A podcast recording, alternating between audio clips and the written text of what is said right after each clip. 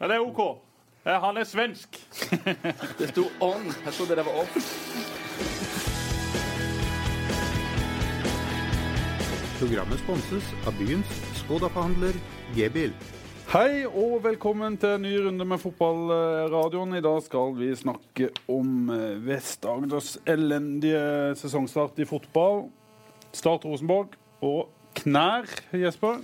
Vi skal snakke om knær. Eh, vi pleier som regel å ha to dårlige knær i dette studio. I dag har vi fire. Vi har fått besøk Fem. av en fem knær, det er ikke galt. Eh, Vi har fått besøk av en ufattelig hyggelig mann som var en fantastisk god fotballspiller på venstrekanten. Han har gjort den ene høyrebekken etter den andre totalt svimmel.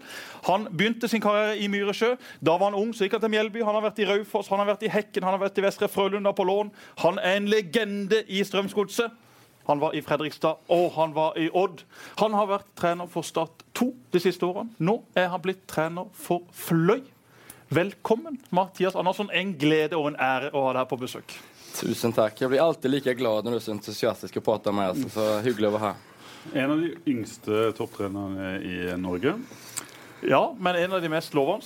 Eh, Jeg har fått æren av å være med på én kamp med Mathias. Det var når jeg skulle prøve for siste gang eh, med mitt kne. Jeg spilte en Start 2-kamp. Jeg var barns desidert dårligste. Jeg var helt fryktelig. Vi tapte vel for Pors 2. Vi ble kontra i senk, og jeg så ut som eh, en mann som ikke hadde beveget seg på ti år. Nå nærmer det seg ti. Jeg har vært nå ikke beveget meg på ett, så det begynner å dra seg til. Men det var min kamp med Mathias Andersen. Men uansett, da. Jeg Ja, fikk, gjorde han? Nei, altså, men på, han type på spillermøte, eh, hvordan inngangen var til kampen, hvordan han er på linja. Altså, det er en, eh, en kar som har m- mye av det som skal til for å bli en eh, topptrener. og Det viser han også med, med det å gå til Fløy nå. Ingen enkel oppgave, det vet alle. Det er et veldig ungt og spennende lag, men andredivisjon er knalltøff.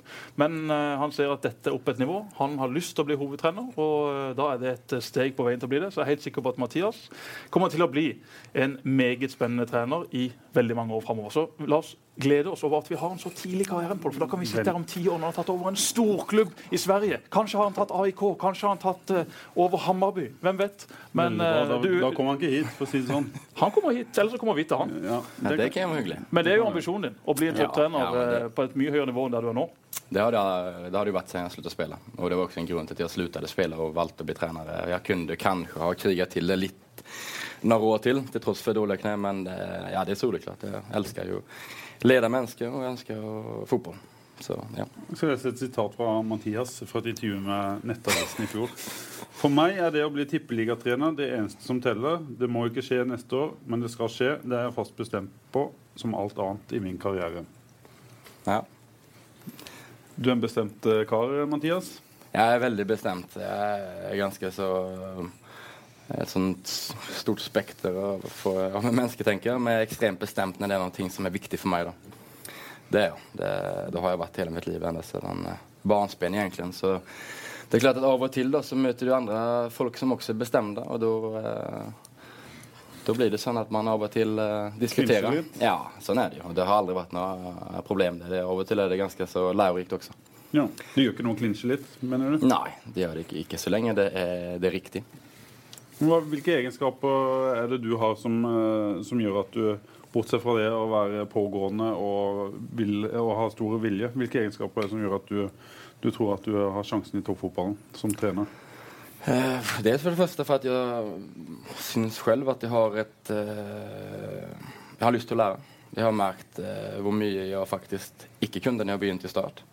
Eh, hvor mye jeg faktisk har eh, tilegnet meg på den korte tiden der, i forhold til alt fra offensivt spill, men framfor alt i forhold til hvordan du gjør det uten boll. Eh, sen framfor alt kanskje for mitt sett å være med mennesker. At jeg er ganske tydelig bestemt. Likevel så tror jeg folk eh, er ganske sikre på at folk føler at jeg vil det beste uansett. For dem, da. Eh, og for kollektivet. Og jeg setter det foran enkeltpersoner. Så det er vel mine sterkeste egenskaper. Så, så har du vært i en, en klubb nå i eh, er det, eh, to år, Ja, litt over to. ja, som har slitt eh, voldsomt. Vært på innsida der. eh, du har vært på benken i, i Eliteserien med Bård Borgersen i høstsesongen i fjor. eh, men jobba mest i utviklingsavdelinga. Hvordan har det vært å, å, å fått være en del av Start på innsida når klubben har slitt så voldsomt som de har gjort? Det har vært veldig interessant. For jeg har jo vært i klubber som spiller. Eh, det som har slitt økonomisk. Det, og det jeg kanskje har vært en av eh, de største utgiftspostene. Mm. Jeg har fått kjenne det virkelig på huden at det, det jeg fant en sak i stad. Tjente 100 000 i måneden i Fredrikstad. Det ble blåst på TV 2 når du var, ja. var spiller, Mathias. Precis. Jeg leste en artikkel forrige uke. Det sto at jeg hadde 6 millioner i Oslo. ja. i Fredrikstad. Stemte jo selvfølgelig ikke, da, men Men, men, men, mange måneder i det år, men eh, i alle fall, da, så eh, Altså, Nå kom jeg inn på et tema som du glemte. hva skulle jeg si. Men poenget var jo da at innsiden av Start da, kan du jämföra litt med innsiden av Fredrikstad og Odd i 2012-sesongen, tipper jeg det Eller var det 11? Ja. Eh, og mye mer forståelse hvor vanskelig det å drive klubb. Mye mer respekt for menneskene som strever i forhold til markedsarbeid, i forhold til fasilitetene for at allting skal på topp, for at vi fotballspillere, eller som jeg da var, mm. skal kunne komme inn, trene fotball og tenke at det handler bare om å vinne kamper. Det handler så mye mer. Så, mm det har, jeg syns var ekstremt lærerikt. Jeg har sagt til min samboer av og til at jeg skjønner jo at det var litt sånn viktig å prøve å bli kvitt meg. Mm. Eh, og så hadde de gjort det på en annen måte, så hadde jeg kanskje til og med valgt å gå. Mm. Eh, hva, hva, var det verste bruddet du har opplevd som, som spiller? Nei, men Det var jo fra Strømsgodset til Fredrikstad, uten tvil. For det var det var jo en by som jeg er glad i. Jeg har fortsatt hus der. Jeg har fortsatt mm. familie kvar der. Og det er en by som jeg har där jeg og min sambo har i stort sett alle våre felles venner. Da. Vi har mm. inga i Sverige. Og mot, så var jeg liksom, var vel den største personligheten i klubben i mange år. Mm. Och da når jeg valgte å gå til Fredrikstad så var det mange ulike grunner til det. En av det var at jeg var lei å spille på kunstgress. Mm. Jeg begynte å tenke at det var kanskje derfor. at tiden spilte med trasig menisk, tok korsbåndet to ganger på kort tid.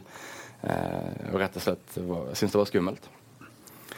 Og ja Pluss at det var jo andre ting med, med ny utfordring også. Jeg, sånn, jeg, jeg, liker nye miljøer, jeg liker å treffe nye mennesker. Nye byer. Jeg har flyttet ganske mange ganger. Jeg valgte valgt det mange ganger selv for at jeg syns det, ja, det er lærerikt. Ja.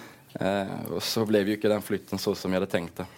Litt pga. Eh, meg selv, og litt framfor alt pga. journalister også, som eh, gjorde at det ble veldig sånn sterkt hat mot meg som person i en by som jeg er glad i. Da. Så det var vanskelig i mange år. Nå er det sånn at når jeg kommer tilbake nå, så er det hvis jeg går ut og spiser, så kommer det gjerne fram folk og skal spendere en pils og prate. Det var ikke sånn for noen år siden. Da var det mer at jeg måtte Men Snakker du med Drammens Tidende?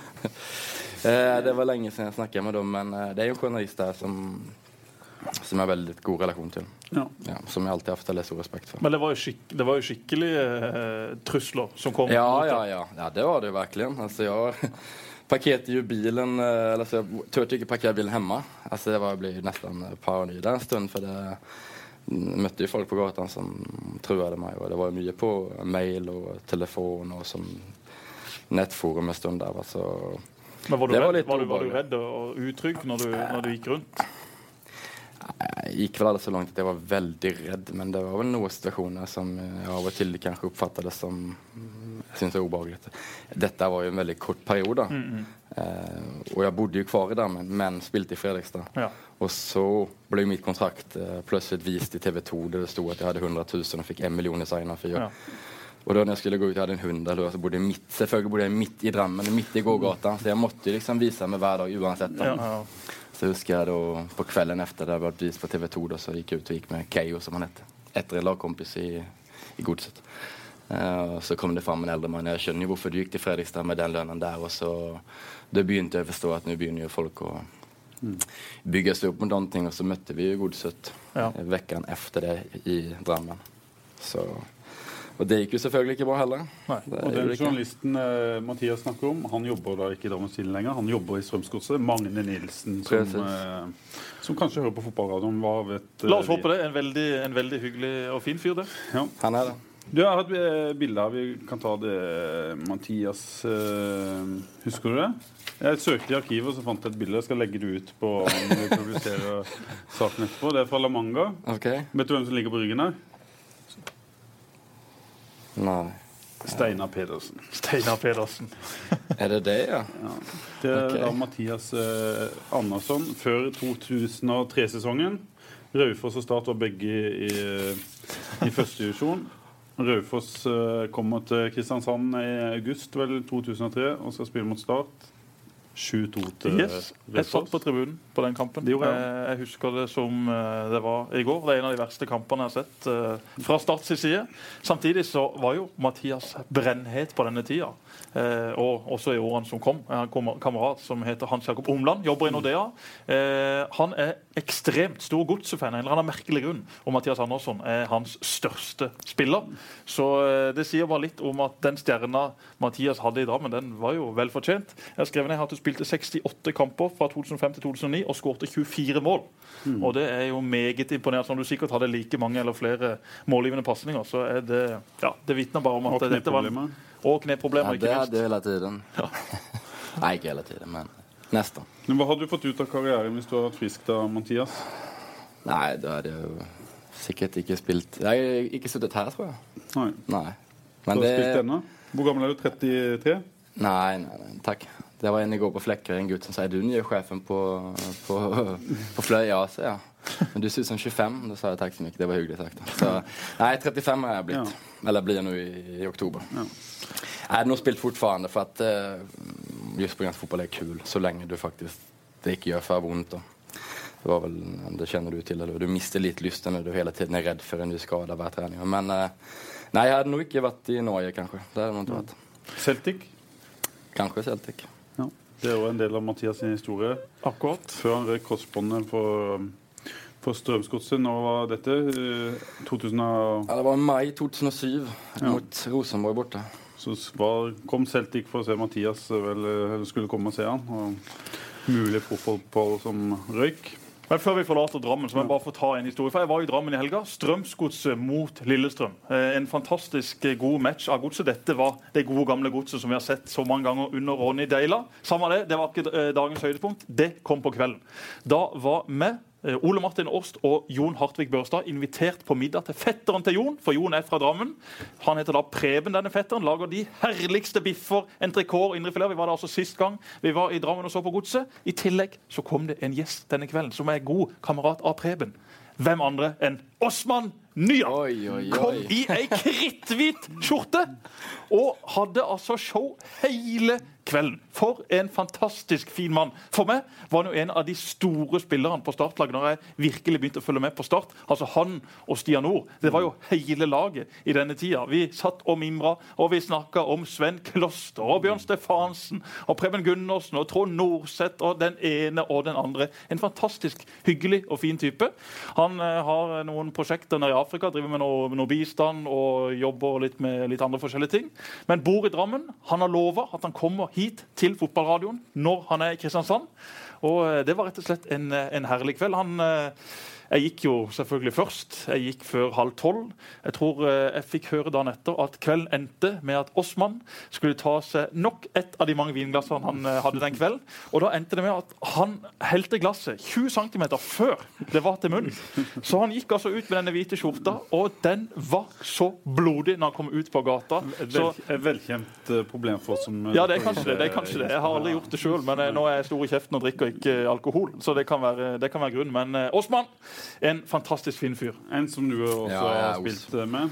Det gjorde jag ju. Osman är en otroligt härlig kille. Jag tror nästan aldrig jag sett honom inte bli glad. Alltså du blir glad bara du ser Han smiler alltid. Han, Han han var bra också. Han var väldigt bra Ja, på han var sitt bästa. fantastisk på alltså. sitt beste. Han gikk vel fra start og rett til en eh, profftilværelse i Frankrike, Yes. i, i Ajaccio. Det stemmer. Han sa at hvis han ikke hadde blitt uh, solgt eh, eller uh, frigitt, eller hva det ble for noe til Ajaccio, så hadde han bosatt seg i Kristiansand. Han trivdes utrolig godt her nede. Var veldig god venn med Even Bransdal. Eh, Det var en av hans beste kamerater her nede, og det var også mye av grunnen til at han trivdes så godt.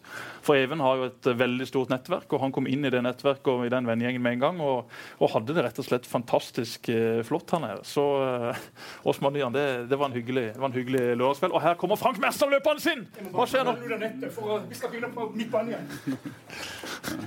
Frank Mersland har altså her lagt en ball i en stol. Eh. Han gjør det. Han gjør det. Og han kommer inn og skal harselere da, med denne nye regelen som Norges Fotballforbund har eh, funnet opp. Da må vi ta den også, Frank. Det er greit. Han har lagt en ball i studio, han kommer inn og henter den. Han får jo ikke gult kort, for det skapte jo ikke noe tumult. Han fikk jo lov å løpe tilbake til midtbanen uten at noen forstyrrer han. Men denne regelen er jo mye omtalt. Eh, Dere er sikkert lei av å høre om han der ute, men jeg kommer ikke til å gi meg før den regelen er tatt bort. Jeg har fra tre forskjellige kilder hvem denne regelen kommer fra. Den kommer ikke fra en dommer. Selvfølgelig gjør han ikke det. Denne kommer fra noen andre. Jeg skal ikke gå nærmere inn på hvem det er. Men Hvorfor kan du ikke navngi personen? fordi jeg ikke har eh, fått eh, 110% og ikke de kan bekrefte det sjøl, så kan ikke jeg Riktig si det. En gammel journalistisk vurdering. Ikke sant? Riktig. Jeg kommer med. Ja. For et års tid siden så hadde jeg sikkert bare busa ut med det, men det gjør jeg altså ikke. Men Frank Mersland han eh, er jo også Tottenham-fan. Han har jo tunge dager eh, om dagen. For de trodde jo en eller annen merkelig grunn at de kunne ta igjen Leicester, men Tottenham vinner jo ikke Premier League. Frank Mersland. Frank Mersland er journalist i Fjellandsvennen. Han er journalist i Fjellandsvennen. Er jo også hockeykeeper. Kanskje vi skulle få lagt ut det bildet også når Frank Mersland er avbilda som hockeykeeper. Frank Mersland er jo ja. Han er utespiller. Er han utespiller? Ja, ja. I all verden. Spiller på kick eh, fire eller fem. Okay. ja, det, det, det, trodd. ja, samme det, samme det. Men iallfall den regelen er jo helt eh, høl i huet. Mathias? Nej, vet du vad? Jag är, är sån lite explosiv på, på linja av og til, men ikke så ofte på dommeren. Det var jeg faktisk faktiskt i min sista statokamp. Før at just det, vi eh, lå under med 2-0. Så skårte vi to inn, så løp en av mine spillere inn for å hente bollen. Og så begynner de å dytte på han, og så blir det sånn litt tumult. Og så vet jeg om reglene, så jeg tenker at ok, da får jeg bare gjøre det han skal. Så skriker alle deres lag det er gult kort, det er gult kort.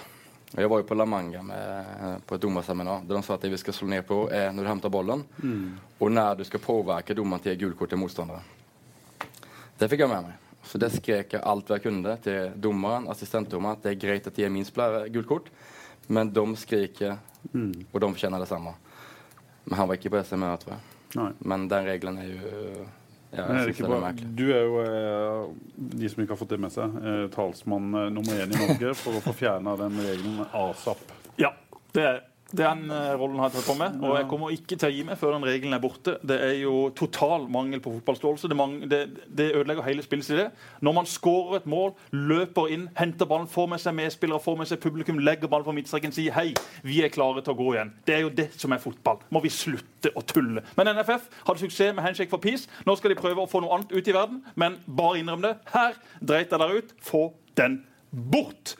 I tillegg så må vi jo juble over en regel som faktisk er gått bort. Og det er en av verdens dummeste regler, det også, at det ikke er lov å kjøre vannskuter i Norge hvis ikke du er 400 meter fra land. Jeg tror Det jeg skulle har- si at uh, når du er av avspark, at du må skyte ballen fremover istedenfor bakover. For nå er den, Ja, den er også borte, men det, det, det er greit. Den regelen har ikke vært sånn. Det er flere ganger jeg har sett at ballen har blitt sparka bakover. Men det at det er lov å kjøre vannskuter, det er en gledens dag for alle som bor her på Sørlandet. For igjen, hvorfor skal det ikke være lov å kjøre vannskuter? Men du skal ha lov å kjøre en 40 fots svær båt midt gjennom alt det du vil. Så applaus at Norges eh, politikere og Norges politi eller hvem som har tatt vekk denne regelen, endelig kom det inn et lite snev av sunn Men hva skal til for at Fotballforbundet tar bort denne regelen? Du har sikkert uh, det. Er det bare å gjøre det? Eller Nei, men. De har jo kommet med den regelen, de er så stolte, de har så mye makt at de kommer jo selvfølgelig ikke til å fjerne den før eventuelt i sommerpausen eller etter sesongen. Denne regelen kommer aldri til å være her i 2017, men eh, når de har kommet med et forslag, så tror jo de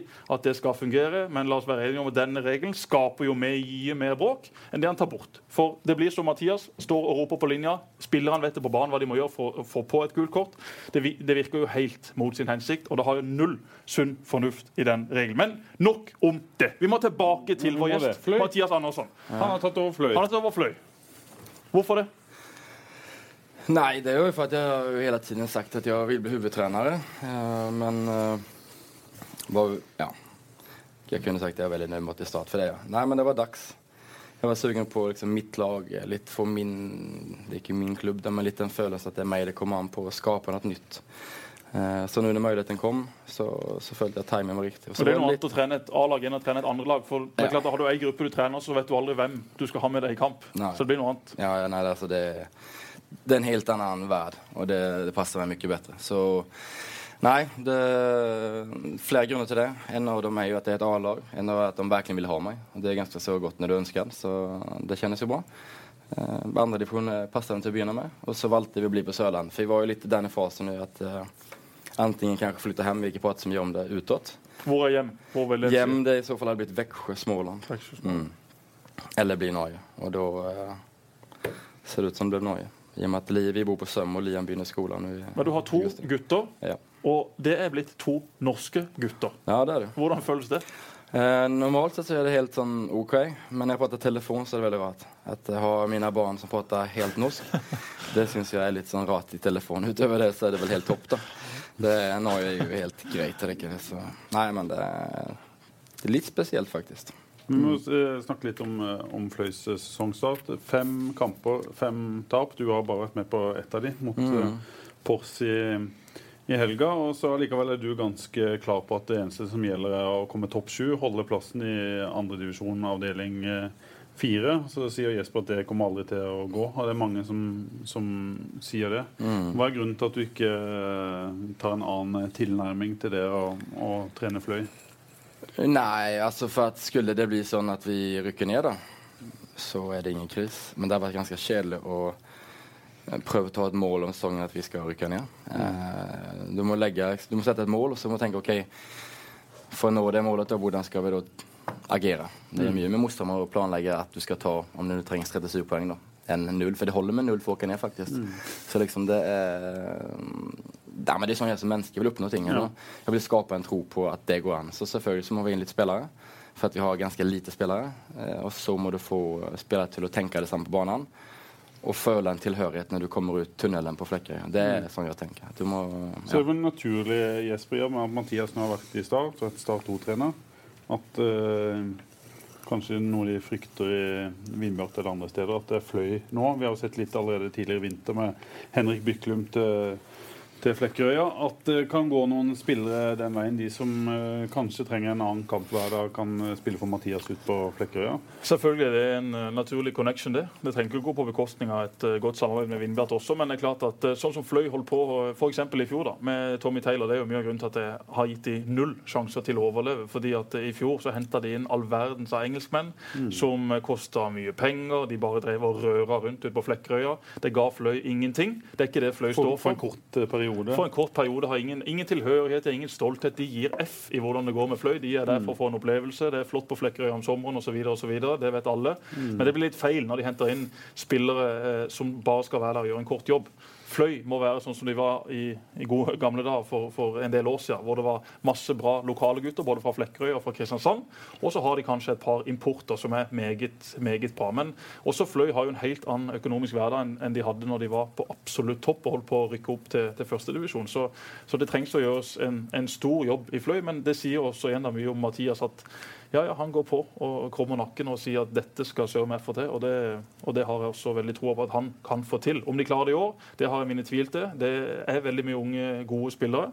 Eh, og, men det er knalltøft i andre divisjon. Du ser selv Vindbjarta, som har et meget godt lag. Som har herja både med, med godset til tider, mm. og som også slo ut Jerv fullt fortjent. Altså, de også har jo slitt i åpninga av andredivisjon. Så det er knalltøft. Mm. Jeg hadde en, eh, flere diskusjoner eller flere ja, jeg ble henta inn for å snakke om dette i TV 2 her når fem tippeligalag rykker ut på samme dag mot både andre- og førstedivisjonsmotstand. Men det skiller så ekstremt lite fra tippeligaen til andredivisjon. Mm. Gutta i andredivisjon trener akkurat like mye som tippeligaen. De trener bare på ettermiddagen i stedet for å trene på formiddagen. Så mangler de selvfølgelig noen kvaliteter som gjør at de ikke spiller i tippeligaen, men det er så ekstremt lite som skiller. Så andredivisjon er knalltøft mm. Eh, sted å være. Det er det. Men finnes det også muligheter, som du ser, Mathias, til å og raskt ta store steg som gjør at en, eh, en blir veldig mye mer konkurransedyktig enn viser vist seg å være til, til, nå? Ja, det tror jeg. Det tror jeg. Framfor alt det som skjer ute på banen. Det tror jeg. Men, eh, men også som hele tiden tenker på det som skjer i det du faktisk kommer inn på, på Flekkerøy. Inn på vår arena. At du gjør noe med deg. da. At du føler en tilhørighet, et ansvar, at du har lyst. da. Ikke at du må, det er ingen som må, løpe, det er ingen som er på livstidskontakt der ute, men at du faktisk kjenner at dette er vilje, og at du forstår hva det innebærer. Eh, og så er det jo, som vi snakker om, det er jo naturlig at eh, de nest beste i Agder nå begynner å tenke fløy når jeg er der. Det er jo selvklart. Så, uh, og så har Mathias et veldig godt rykte blant uh, de unge i byen. altså Både blant de som er i Start 2, de som har vært i Start 2, de som kommer inn i Start 2, de som er i andre klubber. De har hørt veldig mye positivt om Mathias da, en eller annen merkelig grunn. Jeg har tenkt på det. Ja, det, det, det, det, Men er ikke det veldig viktig for en jo, eh, trener? Du trenger kanskje ikke svare på det. Men sånn som jeg som journalist, når jeg snakker med, med spillere utenom fotballen, så får jeg fort vite hvem som hvem eh, folk liker og hvem de ikke liker. og Det ryktet er vel ekstremt viktig for en eh, trener? Selvfølgelig. Det har eh, ikke alt å si, men det har ekstremt mye å si. og Det er jo en av Mathias største styrker. at Han er så flink med mennesker og, og har gjort en ekstremt proff og god jobb i Start i de årene han har vært der. Og også selvfølgelig en kandidat som, som var inne i bildet når Start skulle ha ny trener. Men så var det Steinar da som var førstevalget etter en strålende sesong i Jerv, og så ordna det seg til slutt. Men Fløy Ble du skuffa, Mathias? Nei, det ble jeg absolutt ikke. Nei. For du tenkte at du trenger mer erfaring for å ha Ja, en sånn ja. jobb? Altså, jeg sa jo til klubben at jeg var klar til å, til å bli trener redan i april, tror jeg. Eh, men eh, jeg sa også at det er inget jeg må bli nå. Jeg, mm. føler at jeg utvecklar meg hele tiden. och Jeg synes, eh, jeg har trivdes med situasjonen, så det og Steinar syns jeg er et bra valg. Så, eh, Men Hva tenker du om eh, den måten å gjøre det på? Det er veldig mange som ikke hadde sikkert turt å gjøre det du gjorde. og gå og si at eh, her er det, plukk meg gjerne, jeg er klar. Eh, hva dere gjør, det er opp, eh, opp til dere. Det er litt sånn utradisjonelt, eh, litt cocky måte å gjøre det på, kanskje? Mm. Eh, ja, altså hvis du, Det er mange som tenker når de kanskje ser meg, jeg vet ikke, eller de hører meg og ikke kjenner meg ja, Svensk kanskje, litt arrogant. Jeg jo ikke det. Men jeg kan jo forstå Jeg kan jo forstå at folk tenker det hvis du ikke kjenner meg. Ja. Og det er helt greit, for det gjør meg Ja. ingenting. Eh, men for meg er det jo selvklart, for jeg mener jo det. Jeg mener jo at jeg eh, hadde vært en god trener, eller at jeg er en god trener. da. Så det har vært kakete med å ikke si at husk på at dere har en god trener i klubben som mer enn gjerne vil bli her, og selvfølgelig ta hovedansvaret. Eh, det måtte jeg si. Ja, Det syns jeg er utrolig kult. Det og det er, det er så mange som ikke gjør det. Så, Det er han og Steinar Skeie. ja, ja, ja, og all ære til Steinar Skeie også. Han er, han er på samme måten. Eh, kanskje på en litt annen, litt annen grad, men, men det å kunne si hei, si jeg kan ta den jobben, jeg kan være god. Altså, det må vi ikke være redd for å si. Så får alle disse her eh, nettrollene sitte hjemme og feie løs mot de som tør å være litt annerledes. Vi trenger ikke alltid være inne i firkanten. Når jeg sier at det ikke tar så himla mange oppvasker hjemme, nei vel, så se på det da med et smil. Og så tenker han ja, ja, men de har det sikkert greit uansett. Men sånn er det hvis du sier noe. Enten at du fremstår som at du har for litt høy selvtillit, eh, at du litt, kan fremstå litt arrogant, men samme det. Alle som kjenner Mathias, vet at ikke han er sånn. Og det er jo det som teller. Og derfor er det jo utrolig kult å gå og si hei. Jeg er her hvis jeg trenger det. Det samme sa jeg i avisa. Ja, det er ingen som kan mer om norsk fotball enn meg. Nei vel, det er sikkert mange som kan mer om norsk fotball enn meg, men i mine øyne ja vel, så vet jeg at det er en av de som kan aller, aller mest. Ja, da sier jeg det. Og så gir jeg blaffen i alle de som kan. Hey, I'm Ryan Reynolds. Recently, I asked Mint Mobile's legal team if big wireless companies are allowed to raise prices due to inflation. They said yes. And then when I asked if raising prices technically violates those onerous two year contracts, they said, What the f are you talking about, you insane Hollywood ass? F- So to recap, we're cutting the price of Mint Unlimited from $30 a month to just $15 a month. Give it a try at mintmobile.com slash switch. $45 upfront for three months plus taxes and fees. Promo for new customers for limited time. Unlimited more than 40 gigabytes per month. Slows. Full terms at mintmobile.com. kritisere meg. De kan ha det så godt de bare vil. Veldig bra. Og så kan dere to veldig mye om stat. Vi er nødt til å snakke litt om Start eh, på Ja, på vi skal snakke om er- Men jeg snakka også med Glenn Andersen i stad. Ja, og det er jo eh, en veldig god Nå kommer det venn av Mathias har Mathias. Nei, nei, nei, har ikke grua seg. Glenn var sin. Han sto jo selvfølgelig opptatt med Jeg står her med en kunde, men eh, jeg har fem minutter. Eh, Glenn Andersen, som header tverrleggeren for eh, Jerv. Jerv Og Jerv tok en meget viktig og god seier borte mot Bryne. Store gledesender der borte. Det var veldig hyggelig å se. Men uh, Glenn og Mathias var jo ekstremt gode kompiser, for de spilte jo da sammen i Godset. Mathias var jo årets spiller i førstedivisjon i 2006, hvor han da også skårte 19 mål. Ble kåret til det i Drammens Tidende, ble kåret til det i ja, Spilleren og ble kåret til Kniks- Kniksenprisen ikke sant. Meget imponerende. Men opprykksfesten da i 2006 Da hadde Mathias hadde de trening dagen etter. Men det var én mann som mangla. Vet du hvem det var? Det var vår partysvenske som vi har her i studio i dag. Du kom én time ut i treninga, og Glenn Andersen sier at for den tida der så hadde han ekstremt med stjernenykker etter en fantastisk god sesong. Hva skal jeg svare? Det er bare å bare bekrefte. Ja, altså eh, Jeg skjønner ikke hvorfor de ikke meddelte til meg at treningen var en time tidligere enn planlagt. Okay. det syns jeg var litt uproft.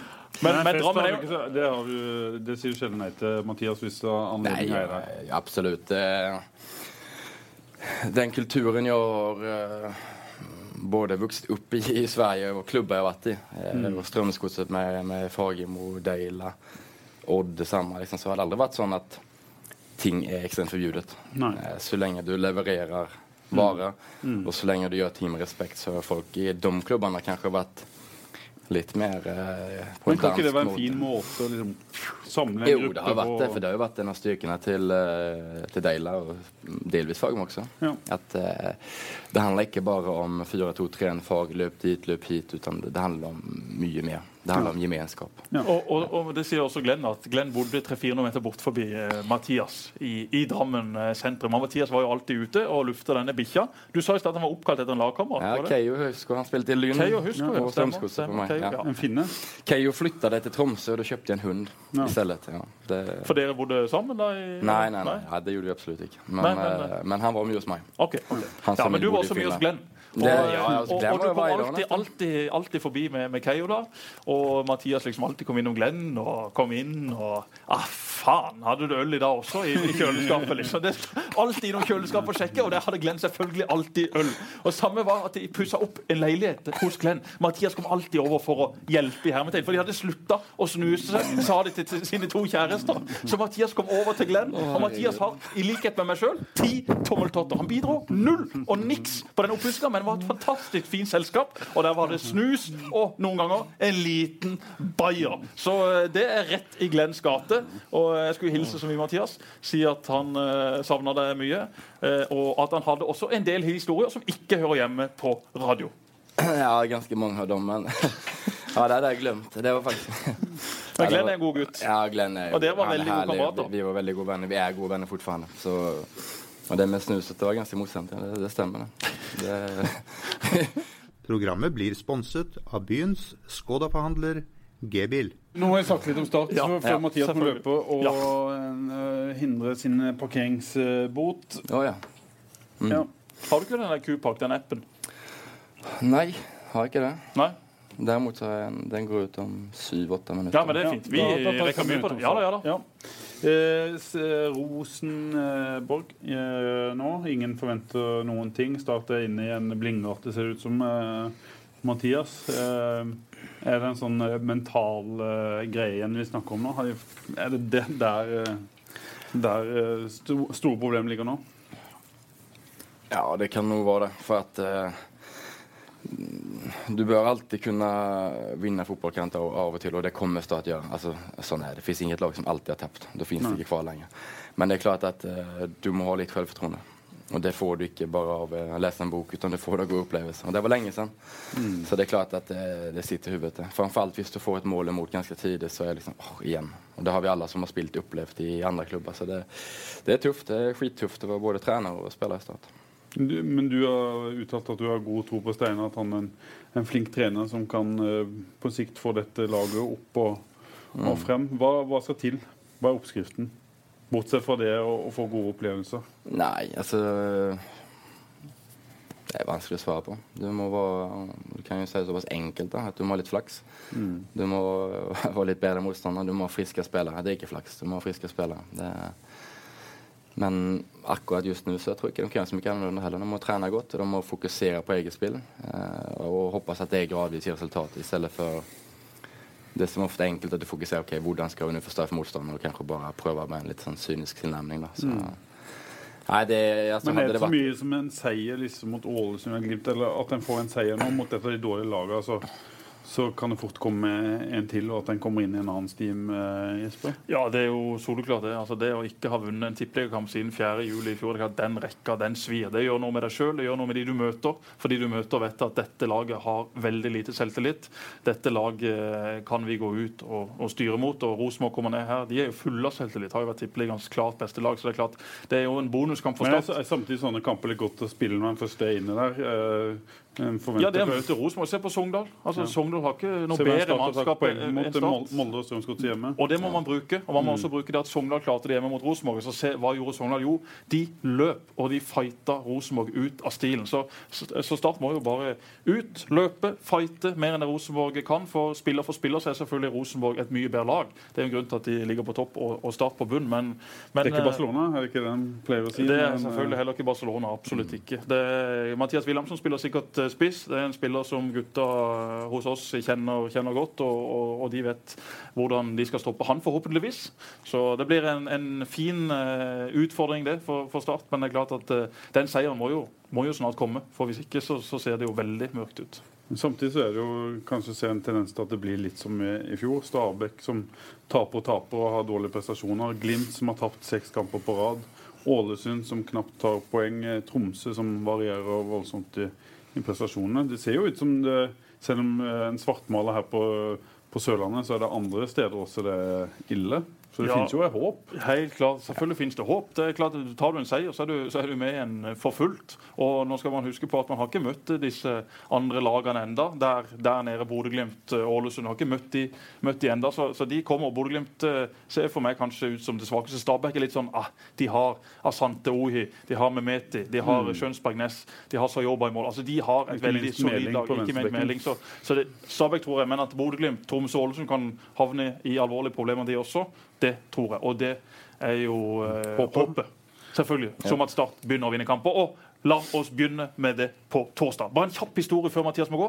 Roy Emanuelsen og Mathias Andersen bodde sammen på La Manga. La Manga er jo eh, et paradis om vinteren. og Pål Løver kanskje innom der en, en liten tur. Men han fortalte om en liten episode at eh, når din karriere endte med en skade, så var det Karim Esediri som skada deg. Og du har båret nag til han i alle år, for du trodde dette var en veldig stygg greie fra eh, mannen fra Tunisia. er vel eh, fra. Men så så du for første gang siden dette skjedde, et klipp på La Manga. Du og Roy sent på kvelden hadde sikkert drukket dere til mot. Så ser du dette, og hva ser du da? Oi, tenkte jag.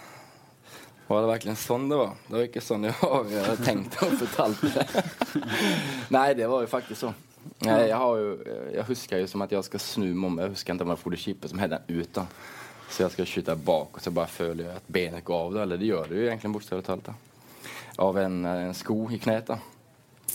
Og så tror jeg faktisk jeg har sagt någonstans i avis också, ikke som at det var hans fel, men han, han ringte opp meg og sa at jeg jag syns det var veldig kjedelig at, at du føler at jeg ødela karrieren. Så jeg, men det, sånn er du ikke. Jeg har ingenting å si at det var du, og det var litt uheldig. uhell. Men i min verden så var det dock sånn, ikke at han ødela, men at hans sko gjorde det. Det var ikke hans sko. Nei. Det, det fant jeg ut på La Manga i år. Så det var liksom, det fikk jeg sånn litt sånn dårlig samvittighet. da. Nå kan du sende, du kan sende til Karim. Ja, Karim, håper at du ikke har hatt altfor vondt, og at du ikke har fått mange trusler av det. da. Så, eh, ja, fikk du- ja, det ser man. Og så er han enda populær fra de fra Drammen. For, eh, for eh, to uker siden så var hele Start, administrasjonen og utviklingsavdelinga på Harvis. Mathias Andersen skulle opp i etasjene og spille shuffleboard. Mathias kommer opp! Der sitter det noen drammensere som er studenter, eller hva det var. Og Mathias fikk en velfortjent hyllest. Og ifølge Roy Emanuelsen så digga du det. Ja, det var veldig hyggelig. Det må jeg si. Eh, Det var det faktisk. Så eh, ja. Kjærlighet. Kjærlighet. Ja. Vi vil bare ønske Mathias masse lykke til i Fløy og videre i sin trenerkarriere. Vi kommer til å følge ham, og vi kommer til å ha masse kontakt, for dette er en av de beste svenskene jeg kjenner.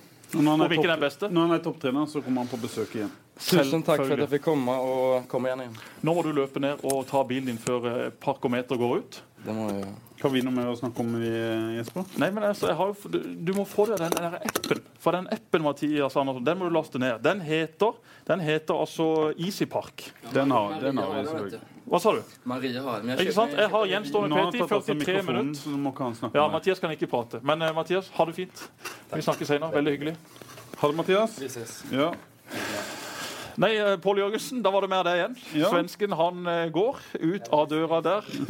Han lives the building. ja. Har vi, noe, har vi noe interessant å snakke om? Skal vi, snakke, skal vi ta en kjapp oppsummering av Tippeligaen eh, så langt? Det er spilt eh, altså, ni vi- runder. Vi kan si litt om uh, Tippeligaen, så en liten tur innom andredivisjonen etterpå, der det er litt å snakke om som vi ikke har, har snakka om. Yes. Eh, oppsummering av Tippeligaen etter ni runder. Alle kan slå alle. Derfor er det et håp kanskje for Start også på, på torsdag. Vi kan godt si litt om Martin Ramsland.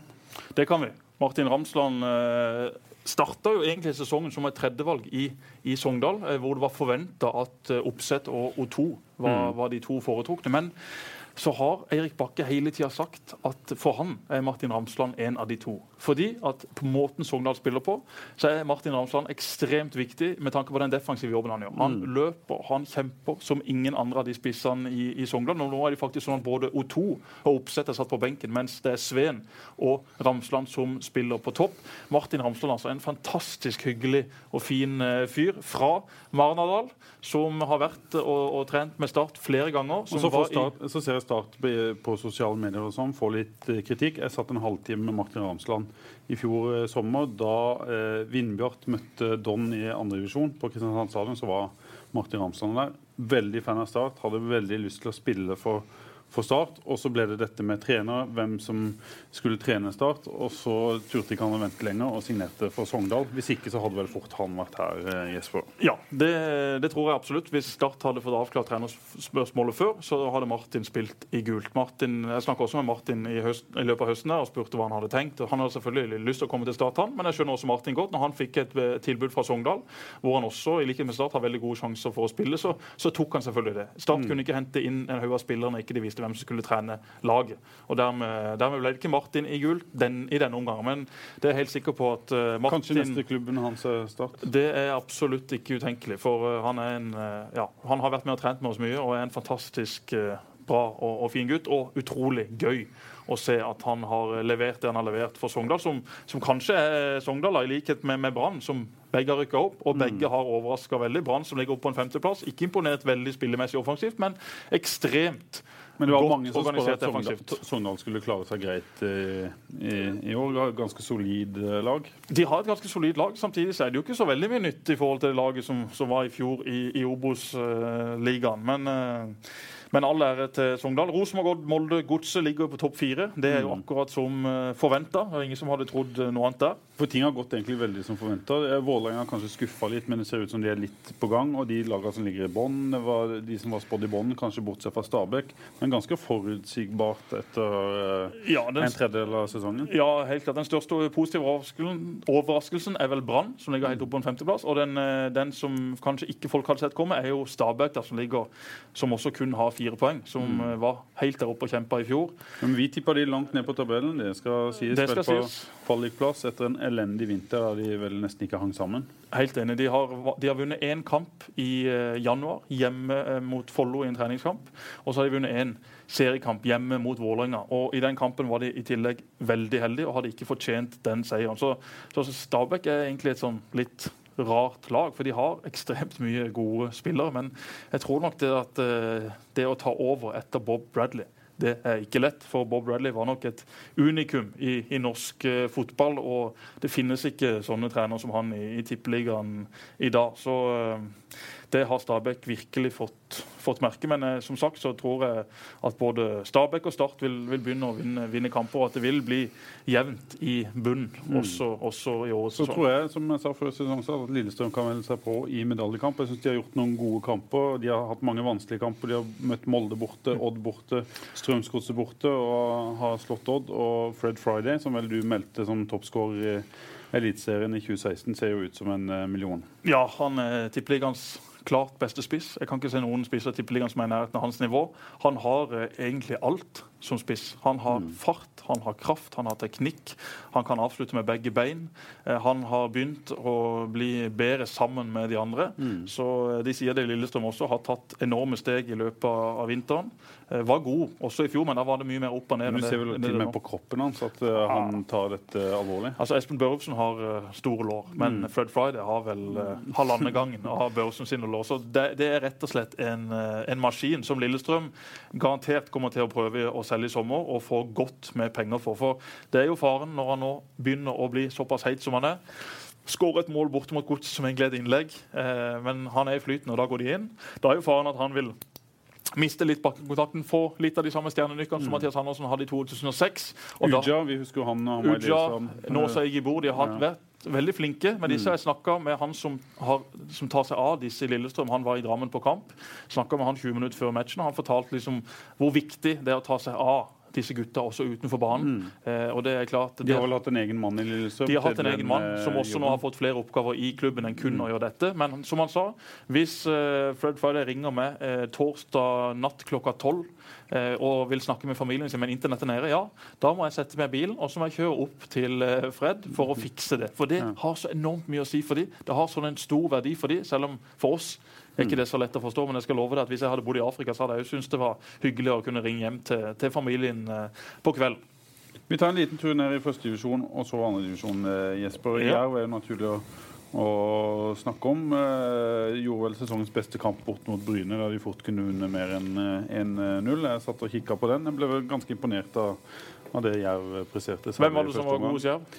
Eh, Antvi var god, eh, Brochmann var god, Jan Jensen var god. Eh, Bekken Tønnesen syns jeg ser ut som en veldig god spiller. Men nå Eh, kommer jo, nå kommer jo båtsesongen da for Jan Jensen. Ja. Nå skal han ut i seilbåten. Han har allerede begynt å pusse på han sammen med sin gode venn Øystein Tandberg og, og Endre Nesse, ikke minst. De ligger og pusser og pusser. og det er klart, Nå kommer sommeren. Da pleier Jan å få en liten formdupp før han igjen ut av sommeren. nå blir jo gresset også grønt i Grimstad. Har de vært hemma De har jo Selvfølgelig har de vært hemma av det. De er et veldig spillende lag. Var spillende i fjor. Kanskje enda mer spillende med, med Arne som trener, som, som er veldig glad i den Odd-filosofien. det kom som, uh, Ja, det kom som, som bestilt, det. Det gjorde det. Og det er klart at selv om Glenn Andersen savner Kristiansand i og med at det er mye bedre vær her enn i Grimstad, så har de også ganske bra vær i Grimstad. Men det kommer faktisk svensken tilbake, Mathias Andersen! Hva har skjedd? Du, glem, du glemte veska. Jeg glemte veska. Men hei Har du lagt mer penger på parkometeret? Parkert på et annet sted. Oi, Sett, sett deg ned og bli med litt til. Mathias Andersen går i dag for andre gang. Men det er hyggelig altså, at han savner såpass mye at han, eh, at han kom opp igjen. Men da fikk han altså med seg bagen sin også. Det er da en stor, svart bag. Han er en somlepetter og en uh, rotekopp. Kan Fløy ha en sånn en som trener? Ja vel. Han er ikke somlekopp og rotekopp, men det, det, er, det skal jeg love deg. Det er så ekstremt rotete. Jeg kom for seint ned til dagens sending. Kunne ikke finne bilnøkkelen på Sparebanken Sør Arena. Det viste seg at jeg hadde lagt det, igjen den på et kontor oppe hos Roy Emanuelsen under en konvolutt. Gud, og jeg stressa. Jeg skjelte ut Jens Christian Skogmo for å ha gjemt nøkkelen. Jeg skjelte ut Kristoffer Ayer for å ha gjemt nøkkelen. Men det viste seg at de som ofte før var veldig uskyldige. Men på trening denne uka ta det før vi går gjennom resten av Obos-ligaen, så har vi jo trent med sånne GPS-trekkere på, eh, på brystet. Og eh, det er klart at er det én mann som liker å trene med dette, så er det jo Kristoffer Ayer. For når Kristoffer Jeg tok et bilde av Kristoffer Ayer i går. ja, få lagt, lagt det ut, for det, det vil han veldig gjerne. For han var litt misfornøyd med et bilde skjønner du, fra kampen mot Brann, hvor det så ut at, han, at magen hans var litt utrent. Og det likte han ikke, så nå løper han rundt. Det ser ut som en bh. Mm. Det får vi sett på dette bildet. Og det løper Ayer med dagen lang, for han vil for alt i verden vise hvor flott kropp han sjøl syns han har. Men litt alvor om eh, dette GPS-tracking-systemet som Stat skal ta i bruk om vi skal skrive litt om det. Det, det er et virkemiddel det som kan eh, være med å, å løfte litt. Det, Absolutt, det måler hvor fort de løper, eller, eller hvor mye de løper, hvor mange sprinter de har, eh, Hvor fort de hvor de er på banen. Ja, og det blir også brukt i trening. Så For å styre treningsintensitet, for å se hvem som løper eh, hvor i kamp, hvor, hvor mange høy intensitetsløp man har. Det er jo det det går på. Eh, I en uh, femtedivisjonskamp så løper nesten spillerne like mye som de gjør i Tippeligaen eller i Champions League. Men forskjellen er hvor fort det gjøres. Og med dette trekkingsystemet, som Vi alle toppklubber Engedal, som løp vel eh, 12 km i- for Don 2 hjemme mot Lyngdal i serieåpninga i fjerdedivisjon. Altså Gary Neville Men var ikke i nærheten av det der har vi antakeligvis sett forskjell da på, på hastighet. På hastigheten, selv om Engedal også er blitt ganske hastighetsbra på sine eldre, eldre dager. Men det er klart at uh, dette er et system som uh, Det finnes flere typer system. Rosenborg har det, Godset har det, Molde har det, flere klubber i Norge som har det. Men det er ganske kostbart. Men alle klubber rundt om i Europa bruker dette, både i trening og i kamp. Og Der går også Jim Rune Bjorvann forbi vinduet. Han skal nå ut og ha seg en eh, pause. Dette er jo den største fan i Norge av levende bilder! Jim Rune Bjorvann har kjøpt seg en bagett, har jo solgt huset sitt til gamle markedssjefen i Start, Kjetil Stensrud. Så det ser ut som han fikk en god pris for det huset, for den bagetten der, henta rett er over gata, den er ikke billig. Det er ikke knekkebrød og leverpostei på den mannen. Nyrike Jim Rune Bjorvann. Så skal vi snakke litt om andredivisjon før vi gir oss eh, helt, eh, Ja, Jesper. stemmer. Men vi må også, før vi går videre Ja. fra Obos-ligaen Sandefjord-Mjøndalen i går. Sandefjord leder Og Sandnes Ulf 1-0. kan vi ta med òg. Ja, men Sandefjord leder Å, ja. 1-0. Den er- Sandefjord får et hjørnespark.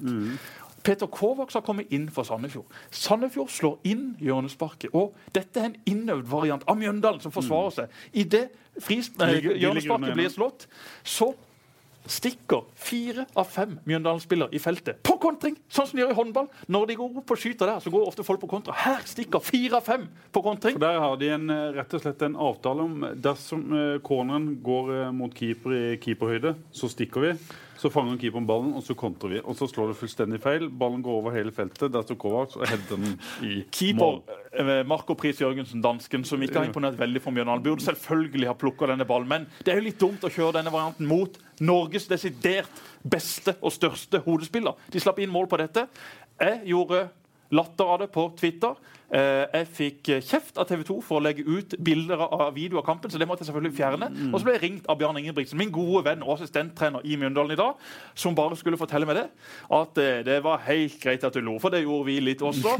Men bare vit det, Jesper, at i 2011 så fikk de poeng på denne varianten. Så de har hatt god opplevelse med han før. Dette er jo det samme som Men, å må, chippe på fri... kan, men hvis du teller antall uh, Sandefjord-spillere i feltet på den corneren De er jo tre eller fire? Sandefjord sendte bare opp tre mann. Så, så dette, dette slo ikke helt til som det skulle. Det blir litt som å chippe fra straffespark. Enten så blir du gjort som ja, Enten så blir du gjort det eller så blir du Vi hyller. Mjøndalen for innovativ fotballtaktikk. Og 30-50, vi er store fan av dere alle. Slakta de i går, hyller de da. Andredivisjon, vi må si litt om uh, Jeg gjør sånn som Tom Nordli. Jeg bryter ned, og så bygger jeg opp. Men noen ganger så glemte Tom å bygge opp, så han brøt bare ned. Du, eh, du har ikke hatt så veldig tro på Arna, men Knut Hørum ser ut til å ha fått litt sving på de guttene der eh, borte likevel. Ja, eh, de har vært solide i, i åpninga. Jeg, har ikke så stor tro på Arendal. Det, det må jeg innrømme for ja. Jeg syns ikke de var så imponerende i fjor. Har, har hørt at det har liksom vært litt sånn problemer med å få dette sammen til et lag. da. Men Det ser ut som Knut har gjort en god jobb i løpet av vinteren og kanskje fått samla gruppa enda mer. og, og jeg synes... snakka med Sven Fredrik Strøy i går, kaptein, som sier at det, det forskjellen er bedre tropp, litt bredere tropp, men samtidig så, så mer eh, som trekker i samme retning. Og nå på fredag så er det jo storkamp mellom eh, Vindbjart og Arendal. Det er jo en skikkelig eh, godbit for eh, for sørlendinger litt sultefòra på um, Ja, det er klart. Resultatet. Og Vindbjart, som, eh, som bare har fire poeng etter fem kamper, de må begynne å vinne. Og eh, dette er jo kampen er Steinar Skeie hadde elska å snu det. Jo, Er ikke det en typisk kamp Vindbjart vinner? dette er duka for Steinar Skeie. Ja. Altså, de har slått Jerv, de spilte jevnt med Godset. Utenom det hadde de ikke gjort noe. cupen. Ja, det gjorde de også. Så eh, ja, denne, det, dette blir en skikkelig høydere av en kamp mellom, eh, mellom to gode lag, mellom to store trenerprofiler.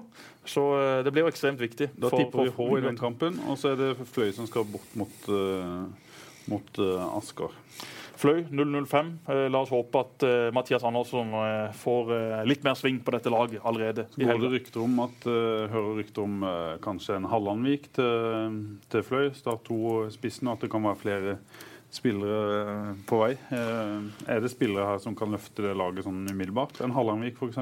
Altså, Mathias kjenner uh, Hallandvik og disse andre unggutta mye bedre enn det jeg gjør. Det er helt klart at Mathias har jo sine favoritter blant disse som han tror at kan bidra for Fløy. Og da kommer han selvfølgelig til å kontakte Start og høre om det er mulig å få, få til noe. Det ville også vært positivt for Start å få matcha noen av disse gutta på, på et uh, høyere nivå. Du var så på Start 2 i går. Ja. Da skrøt du veldig av en uh, kar som også er, har veldig sansen for. Mr. En, Christensen. ja, en uh, utradisjonell uh, type som jeg også snakka om etter kampen i går, som var fryktelig misfornøyd med å bli tatt av når Sean McDermott fikk, fikk rødt kort. Han er født i år 2000. Han var meget bra mot flere Notodden-spillere som har spilt i førstedivisjon. Lars Lien, kaptein til Notodden, spilte stopper i denne kampen. Venstrebekken var tilbake etter karantene. og var- Notodden hadde ganske OK lag. Uh, Eh, Tobias Christensen, født år 2000, var kanskje Starts beste spiller sammen med Eirik Vikne og Daniel Aase. Eh, slår nesten ikke feilpasninger. Utrolig fotballklok og har eh, meget god nærteknikk. Og så må han bygge fysikk. da, så Det tar noe tid før vi ser han i Eliteserien, men at vi ser han eh, på A-laget til Start, det er jeg ganske sikker på. Veldig spennende. En, en kar også som er litt utradisjonell i, i måten å, å tenke på. Du ser at det er en spiller på banen som egentlig gir litt F. Og det er jo rett i min gate. Og hvis du ser han spiller fotball når han har ballen, så er det lett, faktisk, syns jeg. Og ikke sammenligne han med Martin Ødegaard, men spillertype og måten han eh, drar spillet på, nærteknikk og sånne ting, og venstrebeint i tillegg, så går det an å se noen likheter der i hvert fall. Så vi avslutter med det, Jesper, og så sier vi takk for i dag. Jeg syns vi skal si eh, takk for i dag. Det har vært eh, veldig hyggelig. La oss håpe at eh, Start brenner til mot Mathias Wilhelmsson og co. på torsdag. At man får med seg en god opplevelse og at man får med seg noen poeng. Det hadde vært ekstremt gledelig. Og hvis det skjer, så skal jeg love deg at jeg skal kjøpe, om ikke fyrverkeri, iallfall skal jeg kjøpe noen eh, ting vi kan juble med i neste ukes fotballradio. Da kan Paul Rikardsen komme med den nye trønderbarten sin, og så kan du eh, ta med raketter, og så snakkes vi neste uke. Det skal vi gjøre. Og eh, for å bare si det helt til slutt, Frank Mersland, som nå sitter i studio, han som var inne med ballen i stad, nå skal vi prate med han også og høre hva egentlig han vil. Takk for at du kom, Frank. Takk for at du kom, Mathias Andersson. God påske. uke, påske og jul til alle sammen. Og NFF, få fjerna den idiotiske regelen! Programmet ble sponset av byens Skoda-forhandler G-Bill.